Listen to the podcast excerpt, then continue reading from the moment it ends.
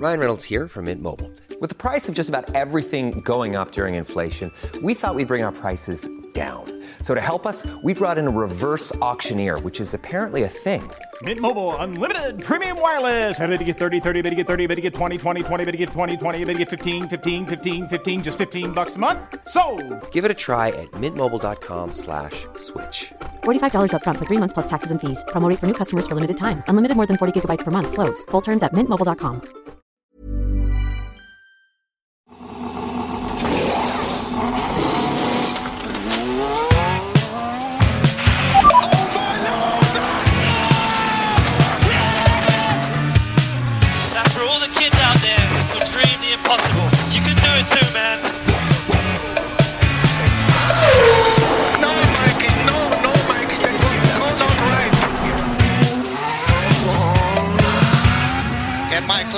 and steering wheel. Steering wheel, claps and steering wheel here. Efter en racefri helg så är nu racingen tillbaka till helgen om bara ett par dagar när du hör det här och därför så blir det lite uppsnack om Brasiliens GP, ett klassiskt GP eller Anna Andersson? Ja, men det tycker jag väl att det är ett klassiskt GP och framförallt så känns det som att det är en klassisk sprint när vi nu får sprinthelg i Brasilien för andra gången och när vi för ett år sedan hade en himla spännande sprint faktiskt. Det var ju minnesvärt. Den kommer vi komma in på lite senare. Annars har det varit eh, halloweenlov. Vad heter det, du som har eh, ungar som det här lovet är till för? Läs Lä- halloweenlov. USA-inspirerat läslov för att ha, fira halloween och gå ut i affären och köpa saker. Ja, alltså läslov, det är det största skämtet någonsin. Vad är det för lov då, barn- i realiteten? Nej, jag vet inte. Sova känns det som. Hä- hämta igen sig efter eh, tidsomställningen, typ ish. Så du har inte eh, tvingat dina barn att läsa 14 böcker eller? Då kommer ju fan staten att ta dem. Det gör de frivilligt. Läsa böcker? Ja. Vad läser man för böcker nu för tiden? Man läser inte de här klassiska sportböckerna, typ Kom igen Peter och de här Bengt-Åke Kras-böckerna. Kommer du ihåg dem? Nej, det gjorde Kom igen inte. Peter har jag faktiskt inte läst. Under isen. Vi fem var en annan sån ungdomsbok när jag växte upp. Vi fem läste vi. Den fanns nog med Den- tidigare. Ja, den eh, tror jag till och med jag har läst en originalutgåva av någon gång som jag hittat hemma hos min farmor och farfar, föd, födda liksom 1900 kallt. Vad fan betyder det? Eh. Originalutgåva? Ja, men någon sån här, du vet, från 1952 någonstans. Jaha. Som jag har läst som, som eh, ungdom någon gång. Alltså man hittade den någonstans. Jag tyckte det var så himla roligt att, att gräva omkring på deras vind. Där ingen bodde i ett sånt gammalt hus. Och då, där hittar man alla möjliga grejer. Såna Amerikakoffertar från 1872 och sånt. Med Det en originalkopia av Vi fem, eh, en, en bok. Men den var Original, brittisk den original. serien va? Det tror jag väl att man var. Enid Blythen, det tror jag. Brittiska? Nej, för fan, eh, bästa, när jag, när jag var i åldern där man nu är för att tvingas ha läslov, det hette det ju inte på min tid va?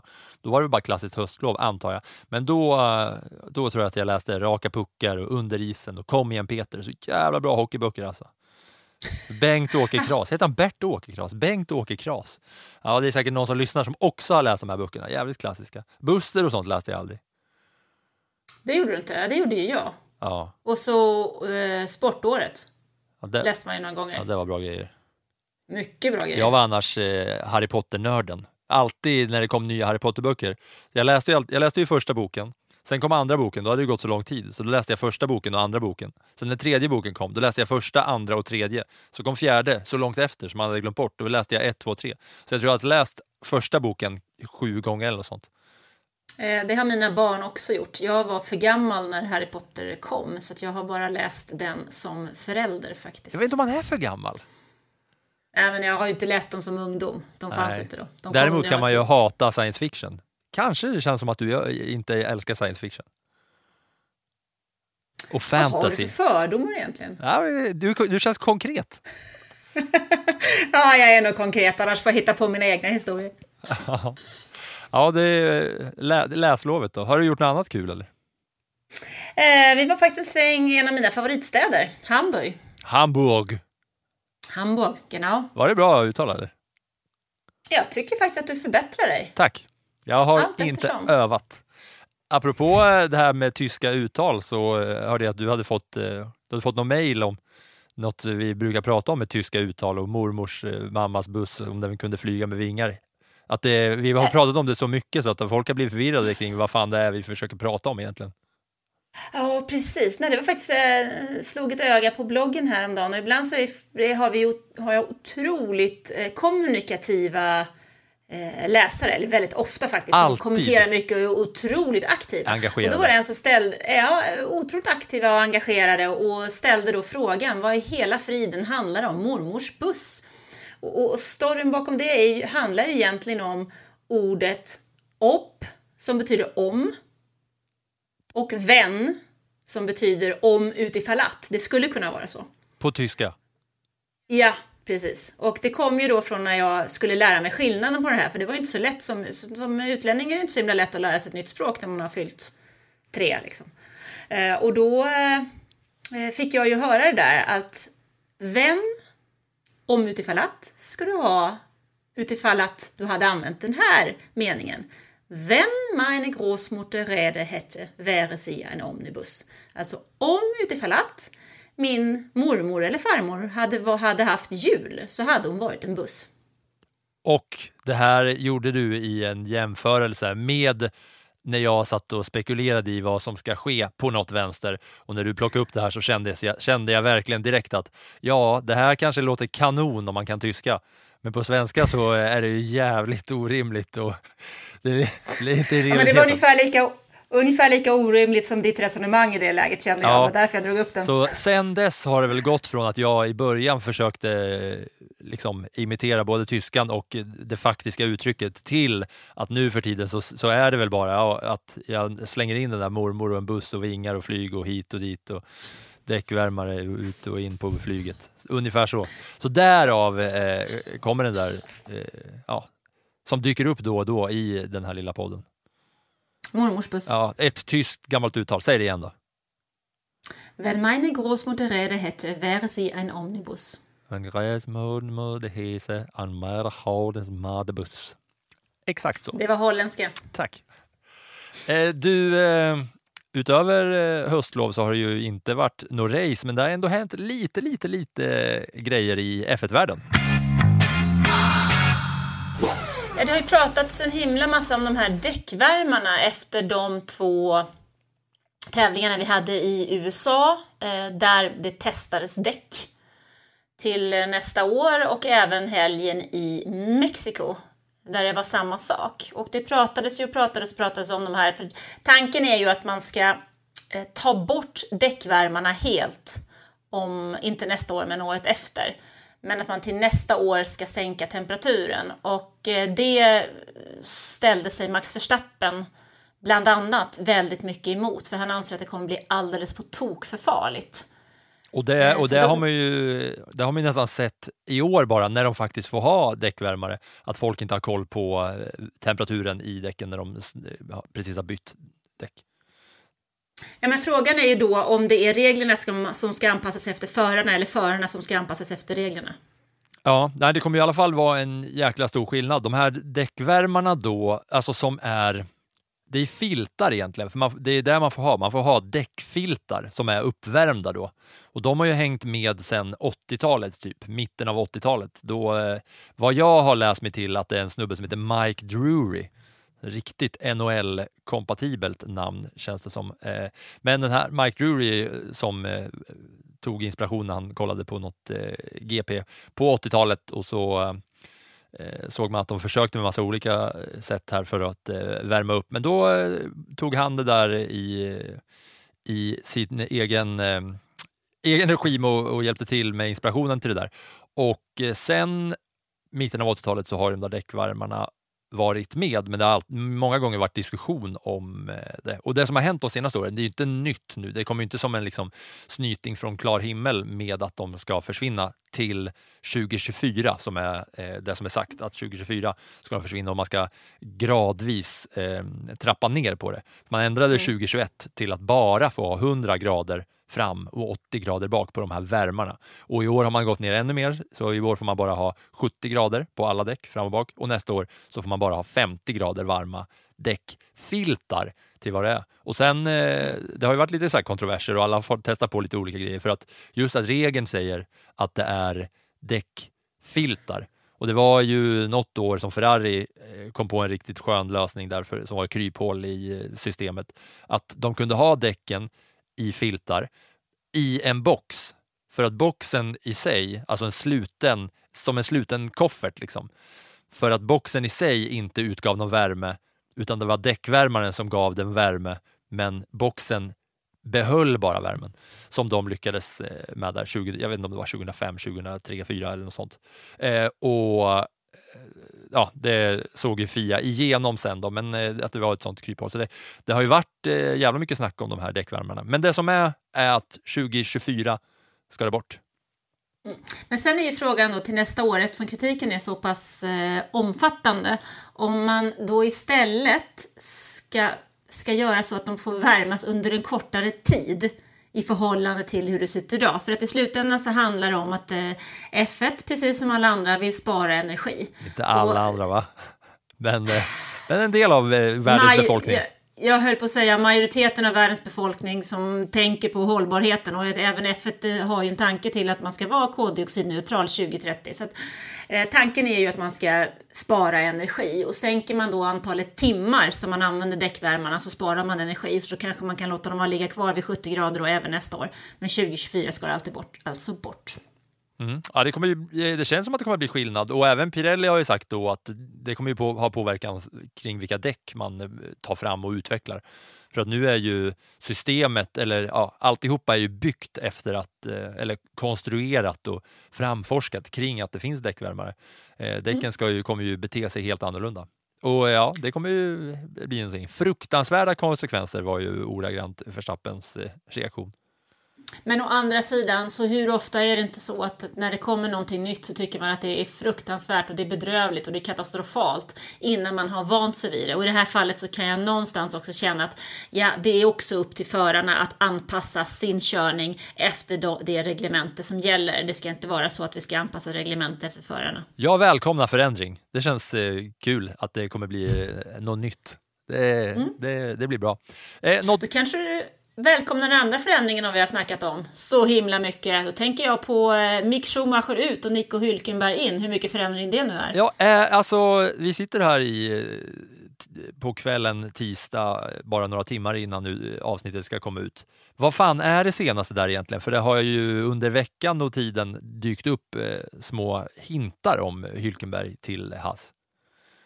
Alltså det pratas ju om det, att det är aktuellt och de pratar om det, men det har inte kommit någon bekräftelse från Haas än. Eh, och det, det känns ju någonstans ändå som så kritiska som det teamet har varit och fortfarande är mot Mick Schumacher så kanske det inte är så att samarbetet har så mycket att eh, ja, fortsätta med. Men vi vet ju inte vilka andra eh, parametrar som finns bakom ett sådant beslut. Alltså någonstans så känns ju Nico Hülkenberg, han är ju jätteduktig när han väl kommer in och han har ju verkligen visat att han kan sätta, sätta sig och köra bra i nästan vilken bil som helst oavsett hur man kastar in killen.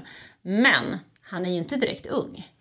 Nej, och det är ju inte Magnusen heller. Det skulle ju ge dem ett liksom rutinerat, en rutinerad duo. Magnusen har ju också, har jag sett, i någon intervju uttalat sig om att han skulle inte ha något emot att ha eh, Hulken som, eh, som teamkollega. Det skulle inte vara några problem.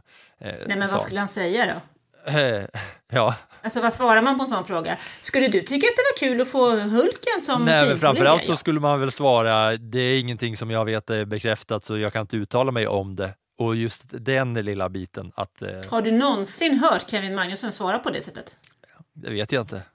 Kanske. Nej. Du har det inte uppenbarligen. Och det är, det är vi, din expertis vi går på i den här podden. Han brukar prata mer efter hjärtat än efter hur eh, det ska vara politiskt korrekt. Ja. Men det som kommer ske här är ju att podden kommer ut eh, midnatt till onsdag och sen eh, har vi ingen bekräftelse här i podden. Sen går det några timmar under onsdagen och då kommer det säkert bekräftas då att Mick Schumacher får dra och Hulken kommer in i hans. Kan man gissa på det eller? Det, med vår vanliga tur så är det väl precis just det som händer. Ja, ja vi, vi, som sagt, vi kan ju inte säga så jävla mycket mer om det på grund av att det är precis så det ligger till. Men ehm, vi ska ta oss vidare in i eh, det här avsnittet så vi får väl se. Det kanske är till nästa vecka vi får snacka om Hulken till Haas när vi har massa uttalanden och Günther Steiner har sagt vad han tycker om det och Schumachers nästa steg och så vidare och så vidare. Men något som faktiskt har hänt och som ska hända, det är ju att eh, Las Vegas eh, GP kommer vara med på kalendern nästa år och då har de haft nu lite eftersom att det varit en racefri vecka så har de eh, i Formel 1 haft ett launch party i Vegas och det var ju lite det ena och det andra där så att säga. Har du sett några av de här bilderna på spektaklet? Det har jag absolut gjort och det var lite roligt för att eh, Mercedes eh, stopp har en sån här eh, typ WhatsApp-grupp med journalister överallt. Så där skickade de ut lite tankar om det här. Så var det någon nykomling i den där gruppen som skrev sina egna tankar. Det var inte helt poppis. Som tyckte liksom att, att Hamilton borde väl få ledigt och kunna åka hem istället för att åka på sådana där grejer. Oj! Vadå? Mm. Det var, Så kan det vara. Mercedes har en WhatsApp-grupp för journalister där de kommunicerar ut saker och ting, eller? Ja, de kommunicerar ut då när det är olika trådar, presskonferenser. Där du är med, eller? Eh, ja. ja. Eh, där det är såna här, eh, vad ska man säga, alltså inför race, eh, eh förarnas kommentarer efter träningar och så vidare. Det får man ljudfiler och sånt där. Och så, så kommunicerade de ut om det här med Las Vegas och så, var det, så har de, bjuder de ju in journalister som jobbar med detta. Och var det någon som råkade skriva lite grann i fel grupp och inte hade koll på. Det där är lite roligt varje gång det händer. Jaha, det var någon som inte menade att, skriva i den där. Just det, jag fattar. Det är som lite samma... Plötsligt var ganska kritisk mot Mercedes och att Hamilton gjorde den utsvängningen då mellan. Oj. Journalist XXX was kicked out mm. of this group. Typ. De, de där är ju vanligt förekommande även på typ så här när eh, svenska landslaget är på mästerskap eller eh, alla eh, sådana grejer inför samlade mediakåren där de kommunicerar ut saker och ting. Eh, jag har ju sett hur det går till på fotbolls-EM för damerna och VM för herrarna och, och sånt där, där de har eh, gemensamma eh, chattgrupper med eh, alla journalistprofilerna. Som, eh, men då är det ju som sagt precis, precis på samma sätt. Det är ju, eh, de kommunicerar ut och att eh, ja, och väldigt, väldigt sällan som, man, som journalisterna svarar så att säga. Men eh, det som har hänt där i Vegas, det var ju lite, lite smått och gott. Eh, den som inte har sett eh, Lewis Hamilton och Checo Perez sladda omkring på The Strip utanför alla kasinon och hotell kan ju bara söka på eh, F1 Las Vegas och kolla på lite sådana där grejer. Mercedes hade en special LED-belyst F1-bil. De hade satt upp sådana här riktiga i eh, epatraktortider, eh, snygg eh, LED-belysning under. Fan, det är sjukt att ingen har gjort den i de här eh, epatraktortiderna. Byggt om en F1-bil till en epatraktor.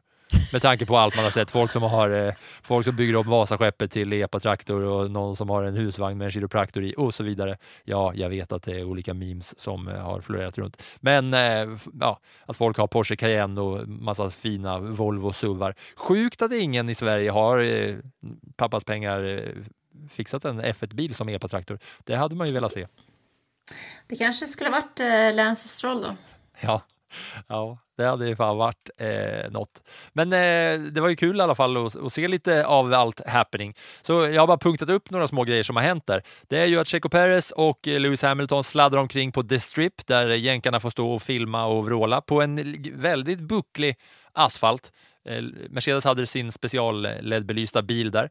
Checo Perez gjorde såna här donuts utan händer på ratten, tyckte det var coolt. Och så hade han även V8-motor. De hade en av de äldre eh, motorerna där för att visa upp ljudet.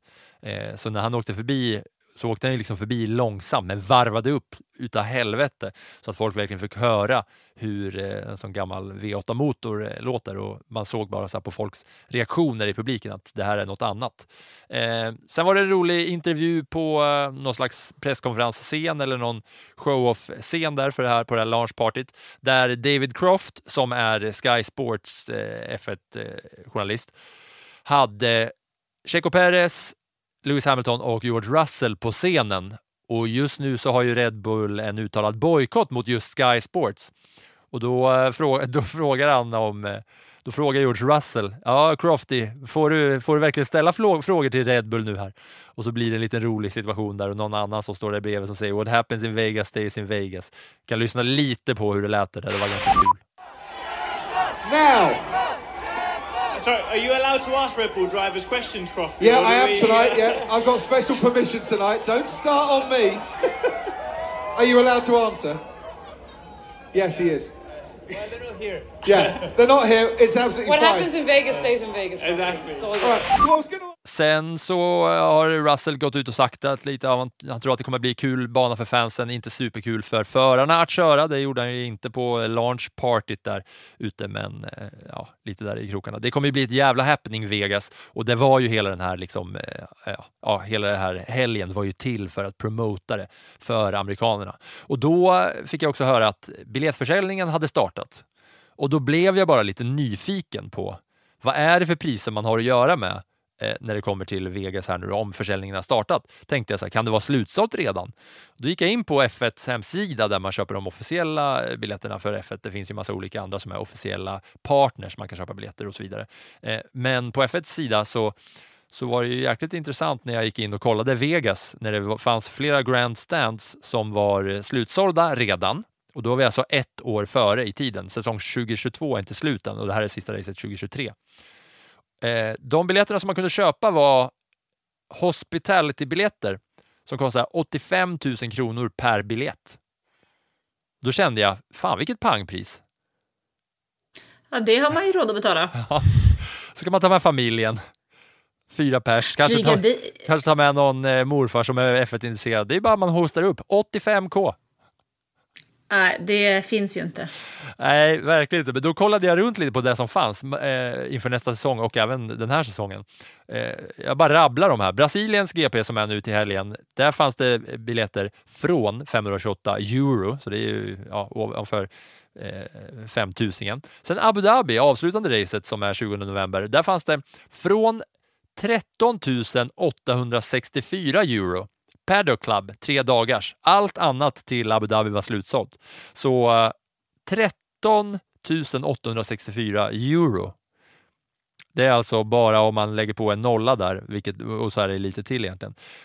Det kan man ju också betala för en biljett. Och sen så fanns det då en del för nästa säsong redan. Bahrain hade 508 euro. Det är inte helt otroligt, men redan också slutsålt på läktare vid kurva 1. Monaco fanns det från 40 euro och då tänkte jag otroligt, va? För Monacos GP? Och så såg jag flera läktare var redan slutsålda. Just de här 40 euro, det var för torsdagen. Racehelgen börjar ju på fredag.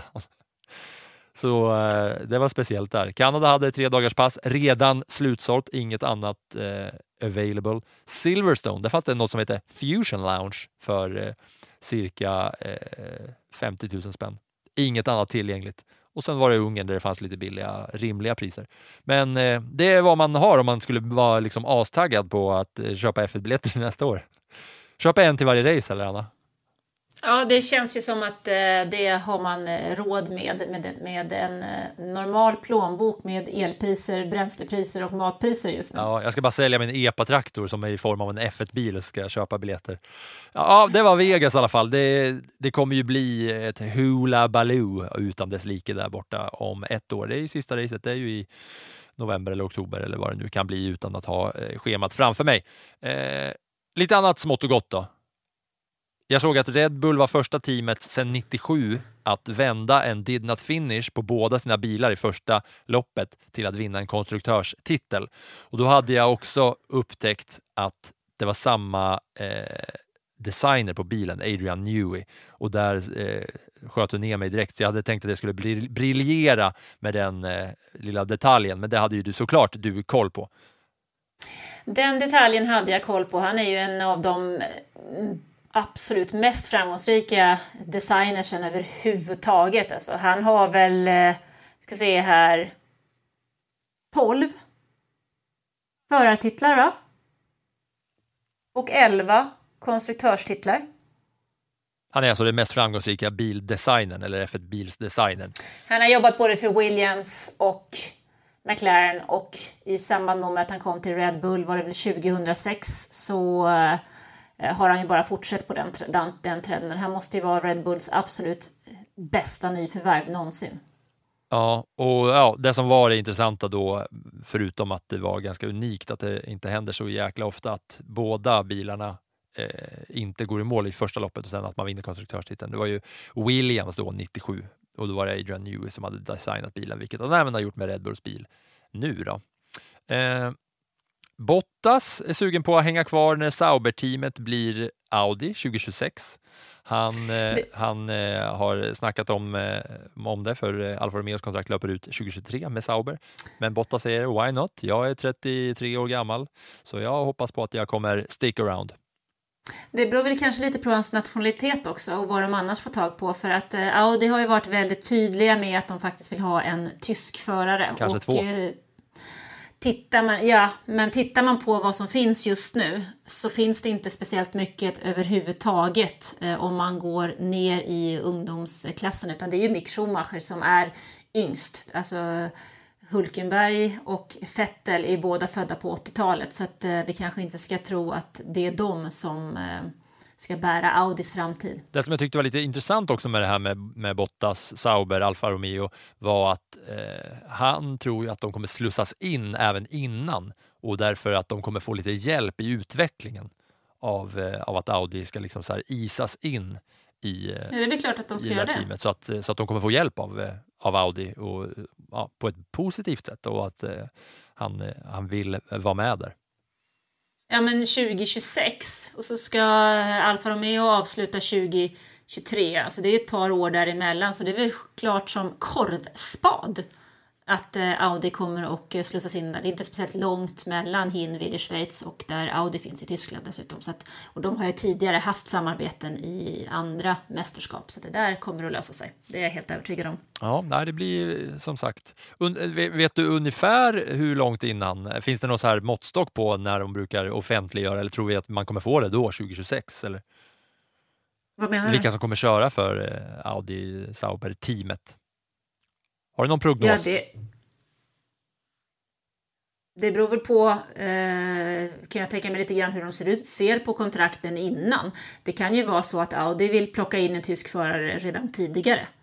Eh, de vill väl knappast börja 2026 och ska de börja samarbetet innan så är det väl inte omöjligt att de har någon redan till 2024. Och då finns det ett alternativ ifall det skulle vara så att Mick Schumacher inte är kvar hos Haas utan att man har honom i någon annan typ av roll fram till dess. För jag har svårt att se att det skulle vara någon annan tysk förare som är aktuell, i alla fall inte i nuläget.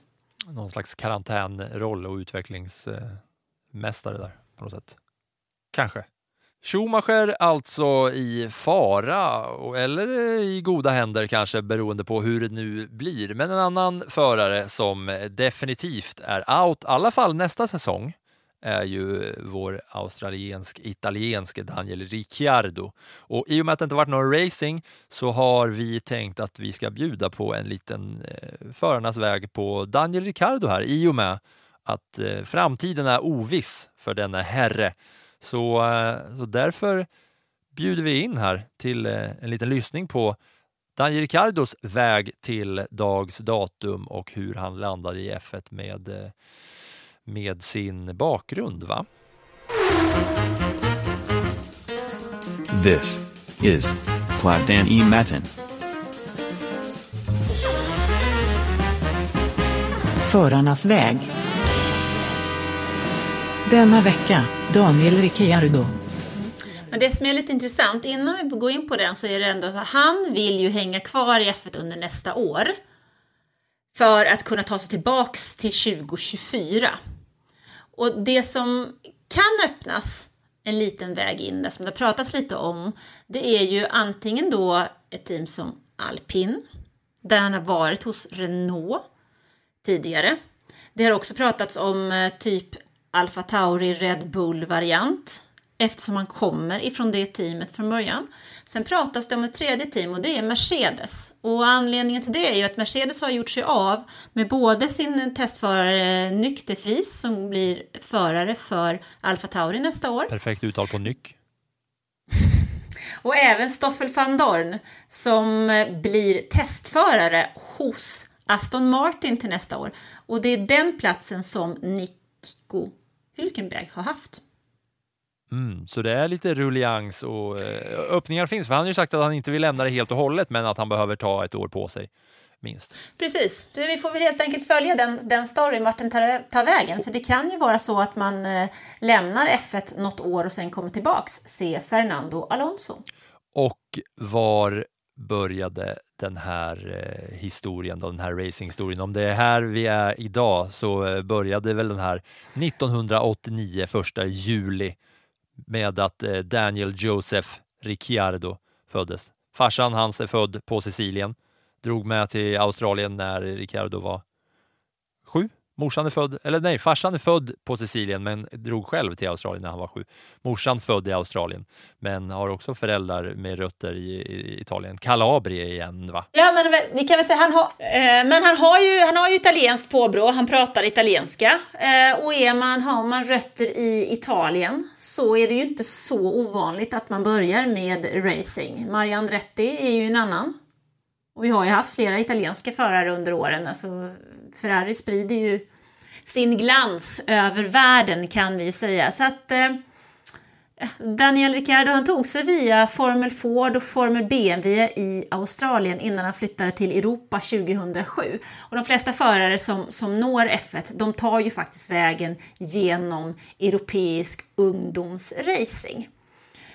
Eh, jag tror även kör... alltså han, hans farsa raceade. Jag har läst någonstans att eh, Ricciardos första racingminnen var när han såg sin farsa eh, köra racing, att eh, han blev eh, fast av det. Ja. Sen är det ju också så att han är superstort Nascar-fan när han växte upp. Han kollade ju på hur mycket Nascar som helst och då var det ju den här Dale Earnhardt som, eh, som är anledningen till att han har nummer tre också, Ricciardo. Och då fick man ju se förra året när de var i USA att han fick köra igenom de här klassiska Nascar-bilarna och han var ju då som ett barn, lika liksom, i sinnet lika gammal som han var när han började köra gokart, nio års ålder, typ. Mm. Det som är lite roligt tycker jag ändå, det är ju att eh, Daniel Ricciardo och eh, Valtteri Bottas faktiskt tävlade mot varandra redan 2008 i juniorserier, alltså det är Formel Renault 2.0 Eurocup. Eh, och 2009 så gick eh, Ricciardo sen vidare till brittiska Formel 3. Och det där är ett mästerskap som inte finns idag. Idag heter det GB3 och Joel Granfors från Sverige var faktiskt tvåa där den här säsongen. Men det brittiska Formel 3 är ett mästerskap som har, ja, Marcus Eriksson tävlade faktiskt också där så det är ett mästerskap där flera unga förare faktiskt har tagit sina första trevande steg mot eh, Formel 1 får man väl ändå säga. Där körde Ricciardo för Carlin. Ett, oh, ett, snyggt uttal. Ett team som jag har fått lära mig uttalet på. Jag vill bara slänga in den. Ja, och han var faktiskt också den första australier efter David Brabham. Och vem var David Brabham då? En förare med ett fantastiskt namn. Mm. Vars farsa är en klassisk F1-världsmästare, Jack Brabham. Ja, det är därför eh, man känner igen det, för, för den Brabham ju. Precis. Inte för sonen såklart. Precis, och eh, sen var den första australier efter David Brabham då vinnare det mästerskapet och det var också det som tog Daniel Ricciardo till Red Bulls talangprogram för han är ytterligare en produkt av eh, Red Bull på den tiden som Red Bull inte var det framgångsrika teamet som man är idag. Eh, även om det var 2009 som faktiskt Sebastian Vettel vann sin första VM-titel. Nej, det var inte alls det. Han vann den 2010 tillsammans med eh, Red Bull. 2009 vann ju för 17 gubbar Braun GP. Men i alla fall, Mr Ricciardo fick chansen i F1 2011 han var testförare för Red Bull. Och i eh, Storbritanniens GP så ersatte han Narin Katakeyan. Katakeyan är ett kul namn. Alltså. Ja, jag satt och kollade på det där namnet nu och så satt jag och väntade på hur du skulle välja att uttala det. Men du har ju, du har ju hört det där. Jag eh, har ju inga minnen av det här. Liksom. Katakeyan. Ja. Ja. Även Narin Katakeyan körde för ett team som heter HRT. Hispania som... Racing va? Ja, alltså jag sa alltid bara HRT. Det var lite märkligt där, för det var så att 2010 så ville F1 bli större så man lät tre nya team komma med. De här teamen, det var inget av dem som överlevde liksom speciellt länge.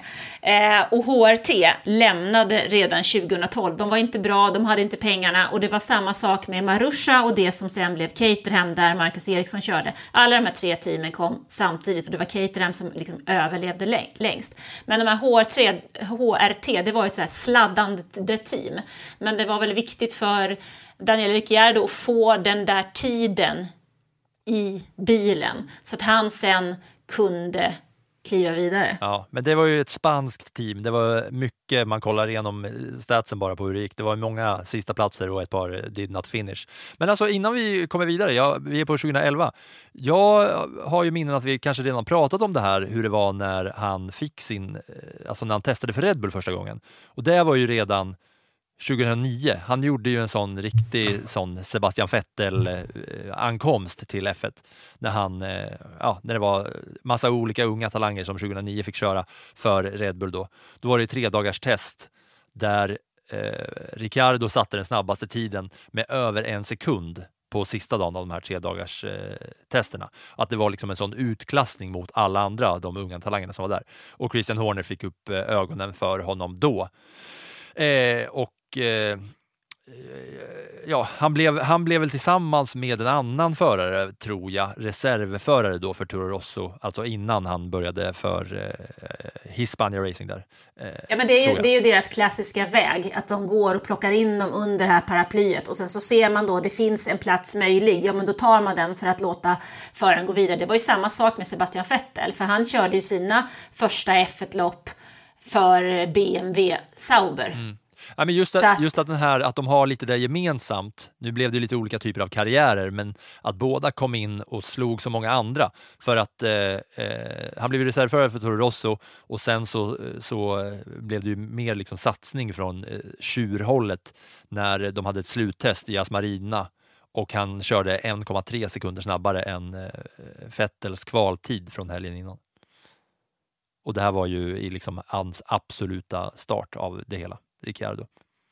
Mm. Men han gjorde en fantastiskt bra start och det var likadant när han när sen fick chansen i, i HRT och de var verkligen urusla. Så det finns ingen omskrivning, det går inte att vara snäll. De var katastrofalt dåliga. Men han vann liksom ändå den här interna racingduellen där eh, i det teamet. Och det var ju det som i sin tur sen gav honom en plats hos Red Bull 2012. Nej? Nej, då, ja, men Red Bull och Red Bull, det är småtjurarna och stortjurarna. Toro Rosso. Ja, han fick plats hos Toro Rosso där. Ja, precis. det där är ingen felsägning som behöver klippas bort, Anna. Det är ju Red Bull, men det är små, lille, lille, lille Red Bull. Den här Five Hour Energy Red Bull. Små tjur. Five, ja, två och en halv timme kanske. Ja. ja nej, men då körde han i alla fall eh, för tio år sedan då, för eh, Toro Rossos med systerteamet, det som vi idag kallar för Alfa Tauri. Och han inledde ju på hemmaplan, faktiskt, i Australien med en poängplats. Eh, och det där är, den där banan är ju väldigt, väldigt speciell. Varenda år så säger man att ja, men det som händer i Australien, så som det är i Melbourne, det behöver absolut inte betyda någonting. I år såg vi två Red Bull-bilar som bröt Ferrari som var fantastiska och sen ändrade hela, hela säsongen efter det. Men Ricciardo var riktigt, riktigt bra där på hemmaplan och han tog väl sex poängplatser det året och slutade på plats 18 i VM, men han fick ändå stryk i den interna duellen med eh, 16-10 mot Jan-Erik Wagner. Ja, men det var ju också, Toro Rosso var ju inte liksom eh, Alltså visst att Alfa Tauri är där nere nu, men den säsongen då var de ju 9 av 12 i konstruktören. Då var det bara de här eh, Caterham eh, och Marussia som du snackade om som var sämre den säsongen.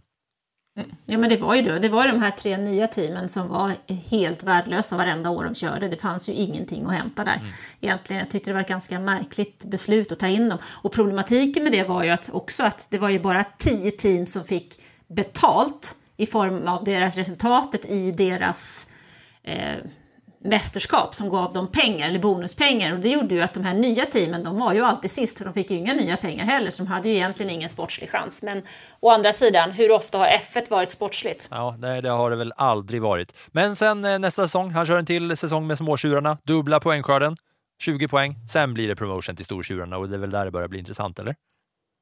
Ja, det är det. För att 2013 det är ju det sista året med Red Bulls dominans. Då har alltså Sebastian Vettel vunnit sina fyra VM-titlar. Den fjärde vann han alltså 2013.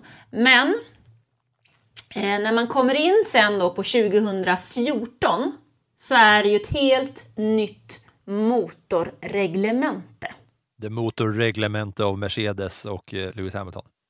Ja, för där var ju inte Red Bull med överhuvudtaget. Och den här bilen passade ju aldrig Sebastian Vettel heller. Så han som var fyrfaldig världsmästare fick ju tokstryk av eh, Daniel Ricciardo. Det var ju inte in, han var ju, Vettel var ju liksom inte... Han var ju mer hyllad då än vad Max Verstappen är nu, om man skulle dra den parallellen. Och Ja. Ricciardo kom, kom in där, liksom, han ersatte sin landsman Mark Webber 2014. Han inledde med att vara tvåa i Australien. Sen så blev han ju faktiskt diskad efter loppet där eftersom bilen inte riktigt höll sig efter reglementet. Hourly fuel flow rate limit. Och om han inte, om han inte hade diskats där så skulle han bli den första australiensaren på podiet i Australien. Ja, han diskades för att det var bränsleflödet inte stämde, men det var så himla lång omskrivning på vad det egentligen var, så jag sa bara att bilen inte höll sig inom reglementet, för jag tyckte det kändes mer förståeligt. Det var samma lopp som eh, Marcus Eriksson eh, debuterade i för övrigt. Och i säsongens femte lopp i Spanien slutade han trea, tog sin första pallplats för teamet och han upprepade det i Monaco. Han tog sin första seger i Kanada, sin andra i Ungern, sin tredje i Belgien. Och han var den enda föraren som inte körde en Mercedes som vann lopp det året. Och han slutade faktiskt trea i VM och han slog ju Fetter med nästan 100 poäng.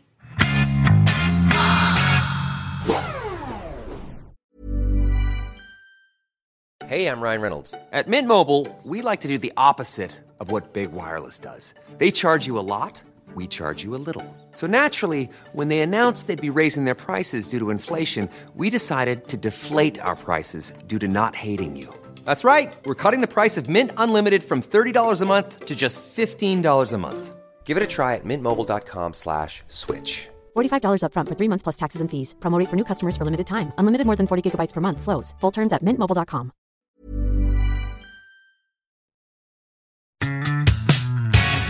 Sen var det ju så här då att när Vettel hade fått stryk av Ricardo så hade ju han eh, inte lust på att, någon lust kvar att köra hos Red Bull så han bytte ju till eh, Ferrari. Han hade ju en klausul som gjorde att var han inte, låg han inte tillräckligt högt upp i VM så kunde han byta. Så han bytte ju till Ferrari.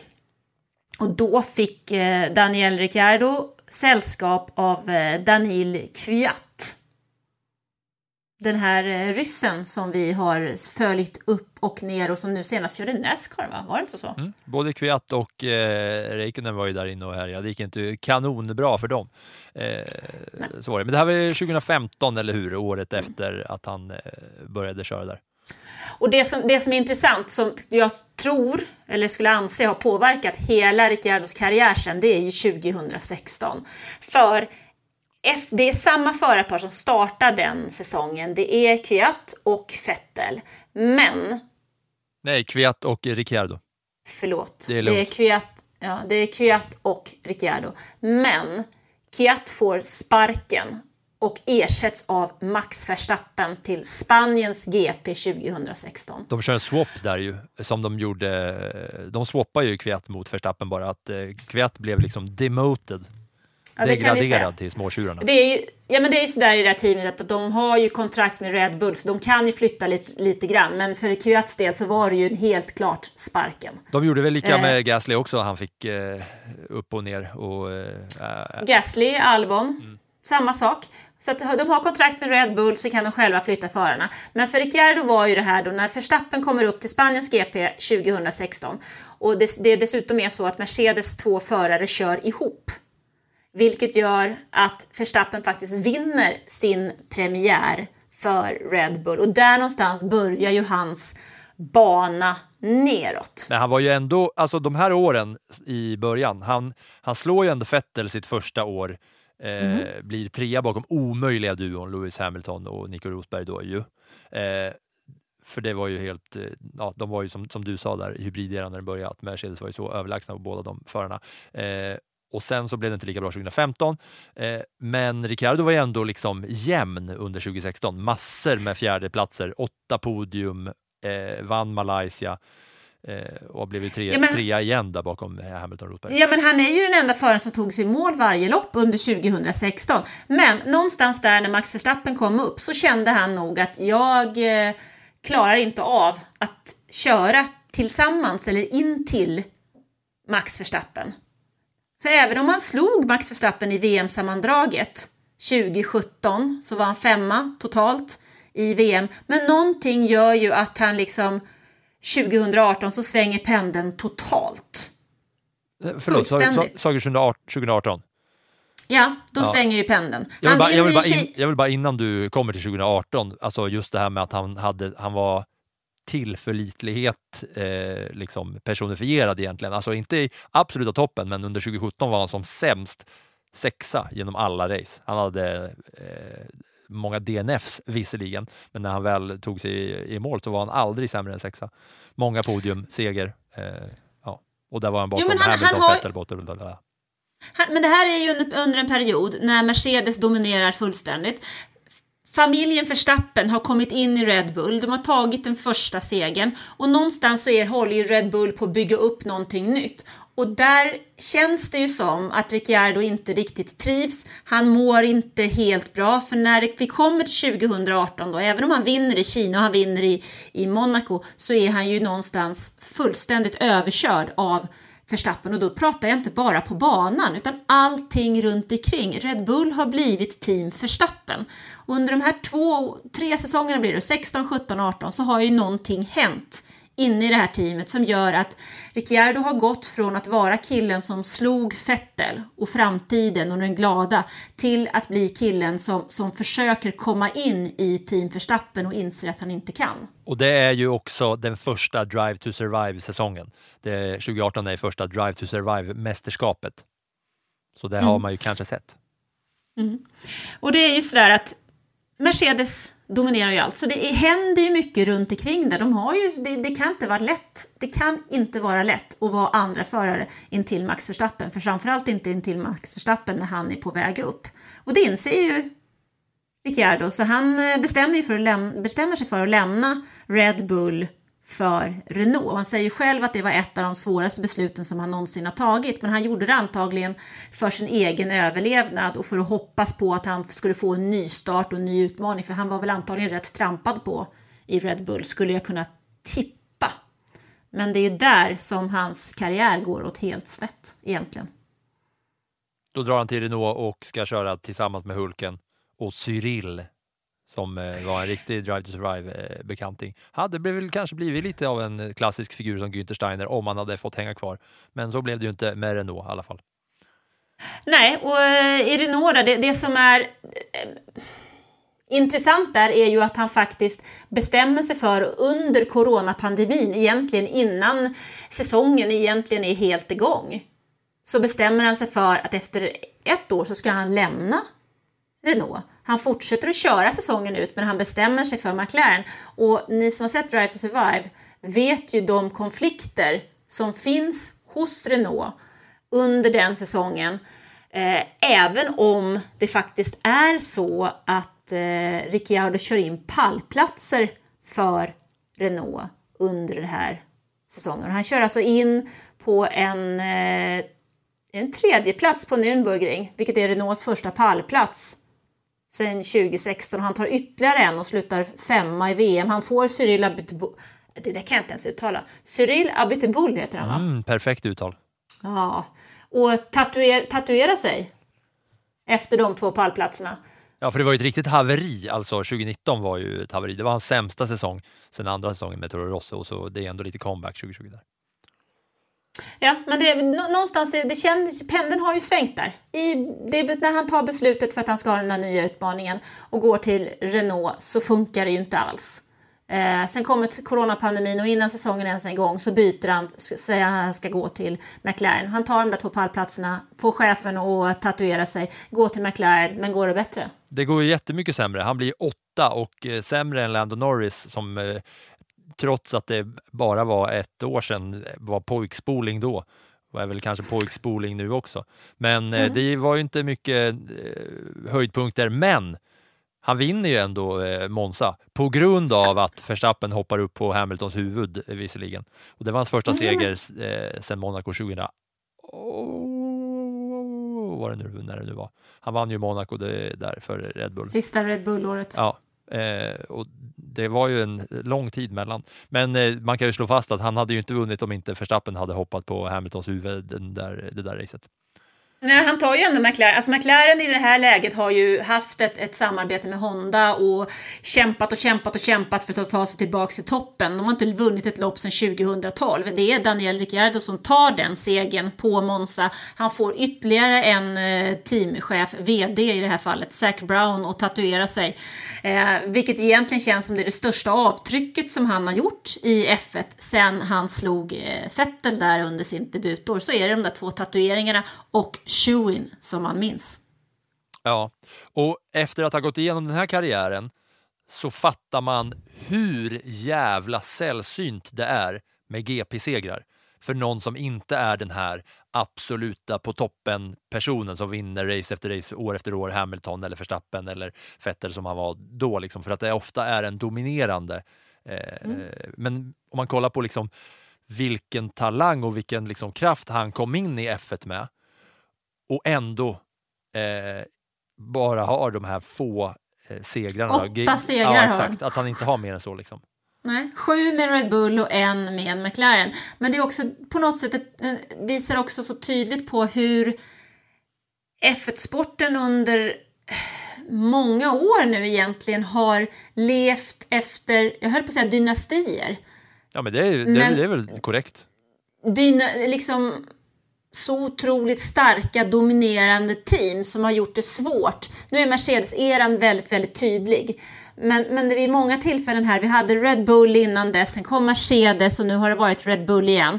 Som gör att det är väldigt, väldigt svårt för andra team att ens vinna ett lopp. Och här har vi en förare som, som många anser vara den mest intressanta och spännande och häftigaste föraren i F1, den mest sympatiska och den förare som man verkligen vill ha kvar.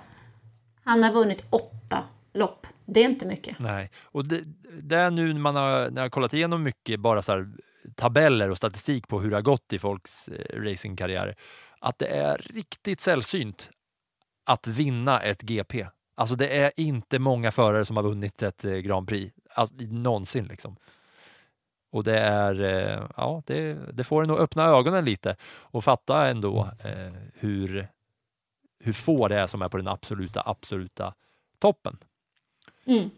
Eh, Daniel Ricciardo alltså. Hans väg till, eh, ja, hans väg upp och hans fall ner. Du, jag tänkte när vi pratar om det här med GP-segrar och så vidare. Vet du hur många svenska förare det egentligen är som har vunnit GP-segrar? Det vet du att jag inte vet. Nej, jag tänkte för vi har nästan eh, pratat om det, för kanske inte on air höll jag på att säga, men vi har pratat om det. Ronny, har, Ronny Pettersson har ju en eh, bunt segrar. Sen är det ju, eh, kan det vara Reine Wiesel? Nej, Joakim Bonnier har en. Ja, just det. ja. Mm, Gunnar Nilsson har en. Vi har alltså tre svenska förare. När vi pratar om hur sällsynt det är, så under hela historien om Formel 1 så har vi tre svenska förare som har vunnit F1-lopp och två av dem har vunnit varsitt. Och vi har väl haft ni, nio eller tio som har kört F1. Elva kanske. Något sånt. Det kanske man borde, Ja. kolla, kanske man borde kolla upp, men eh, det är ungefär något i den stilen i alla fall. Tio om jag räknat rätt. Ja, ja det var en bra eh, fingergissning i alla fall. Ja, nej, men eh, Daniel Ricciardo i alla fall. Det är ju en intressant karriär på många sätt och vis. Eh, Hur känns det för dig då som har följt honom länge att han försvinner? Alltså jag kommer ju inte sakna den här showen. Jag tycker att det är rätt äckligt alltså att dricka champagne ur en svettig sko Ja, på prispallen. Då ska jag säga att eh, du, jag gissar på att du kanske inte följer UFC supermycket och MMA, men han, alltså Daniel Ricardos shoey är liksom, den är liksom classy i jämförelse med vad man kan se i andra sporter. Det finns en eh, tungviktare, en, alltså en riktigt stor blob i, i UFC som eh, har tagit sig upp till toppen som heter Tai Tuivasa. Och han, är ju, han gör den alltså extremt, och han gör den hela tiden också. Alltså klättrar upp på buren, tar någons i publikens sko, spottar i den, får en annan att spotta i den, häller fy i sig den. Och man ser det, han gör det varje, varje gång han fightas. Och även ibland så har de ju så, så här, ja, men, kändisar i publiken på andra galor när han inte är med. Och då, varje gång han är i bild, varje gång han är i bild så åker det upp en, en sko på någon i publiken som bjuder på sin sko, häller i en bärs, han spottar, den andra personen spottar och sen sveper han. Och han dricker alltid upp. Så Daniel Ricciardos shoeis blir jag inte särskilt Alltså, de, nej, de är liksom stilrena i jämförelse med vad jag, vad jag är van vid. En stilren show. Nej, men det är klart att jag kommer sakna Daniel Ricciardo. Det är en profil. Men det är ju så att det finns ju också nya profiler som kommer till F1 och jag tycker ju att en förare som Lando Norris har ju faktiskt berikat sporten. Ja, och så är det ju en australiensare som eh, ersätter en australiensare också eh, här i, eh, i McLaren. I med Oscar Piastri precis. Jajamän. Det blir intressant att följa. Ja, se vad det blir där för bevakning från eh, landet. De har i alla fall eh, behålla en förare från eh, the Down Under. Men du, eh, ska vi bara snabbt eh, snacka upp lite Brasiliens GP inför helgen, eller?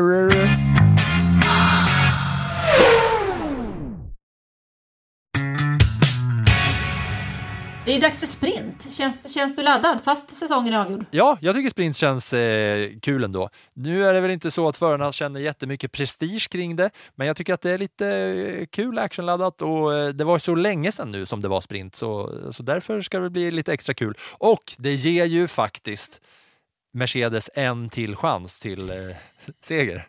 Eller på något sätt. Det gör ju det och det gäller ju att hålla koll. Både fredag är det kval klockan åtta, sprint på lördag halv nio och sen är det racet Brasiliens GP på söndag. då. Räknas Merce- om Mercedes vinner sprinten, räknas det som en seger? Det är inte GP-seger, nej. Det, men bara oss, podd, eh, oss poddlyssnare och kollegor emellan. Du vill så gärna ha den där segern då, så att eh, ska jag vara snäll och säga ja, Ja, Filip. så. Det är snart jul. Så det kan bli så att Mercedes tar sin första se- seger på lördag redan. Mm. Ja. Så kan det bli. Det är ju lite, det är lite kul. I år har vi tre sprintar. I fjol hade vi tre. Den förare som har vunnit flest sprints är ju Max Verstappen. Han har vunnit båda två i år. Han vann en i fjol och Valtteri Bottas tog ju två i fjol men jag tror inte att vi har en Valtteri Bottas i en Alfa Romeo i topp den här helgen precis. Vi ska ha koll på att det är 100 kilometer. Det delas ut poäng till topp 8.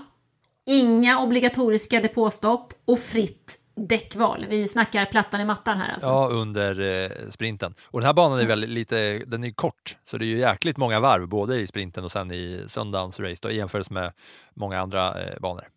Mm, Den är 4,3 kilometer lång.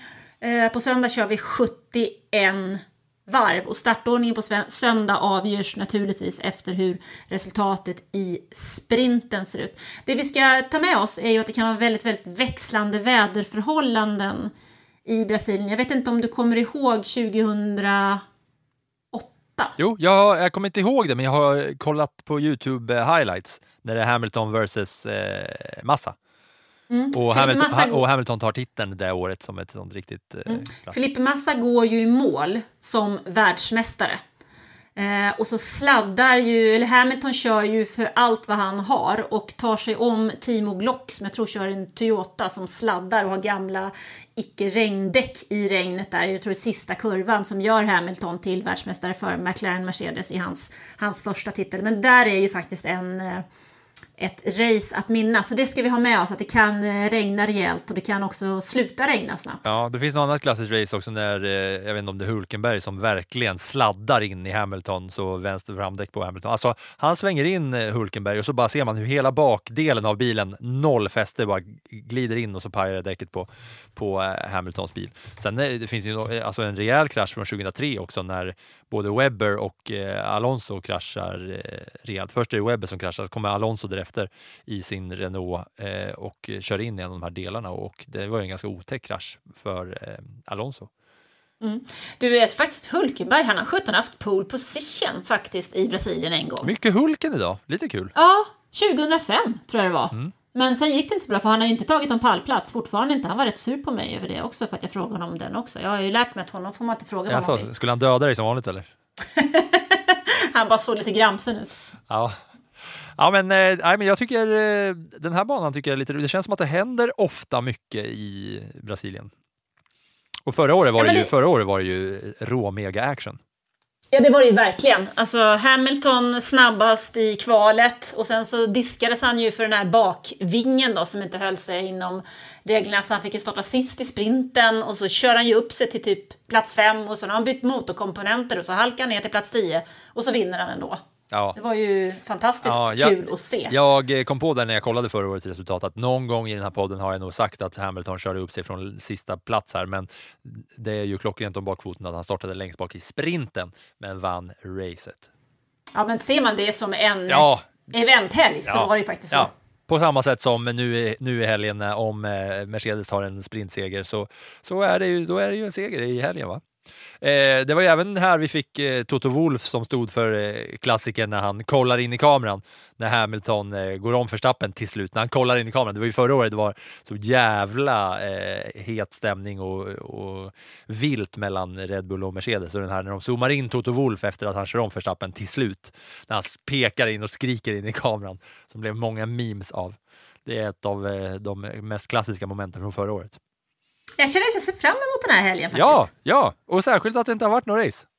Nej, Kul! det, blir, det här blir grymt. Fredag, lördag, söndag.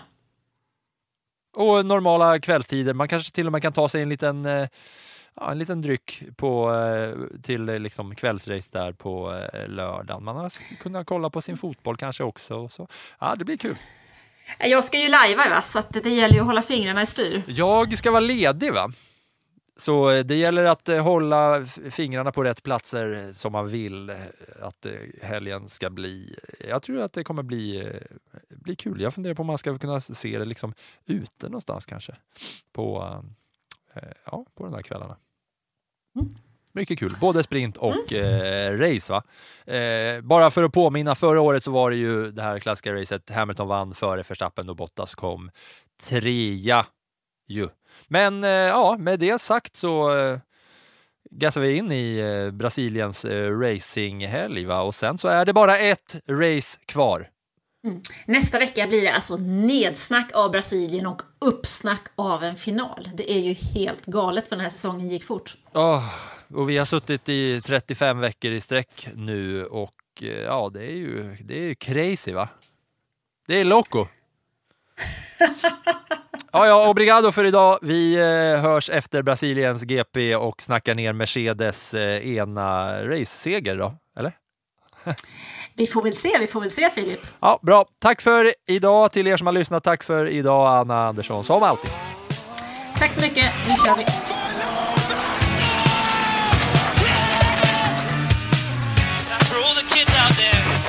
Impossible, you can do it too.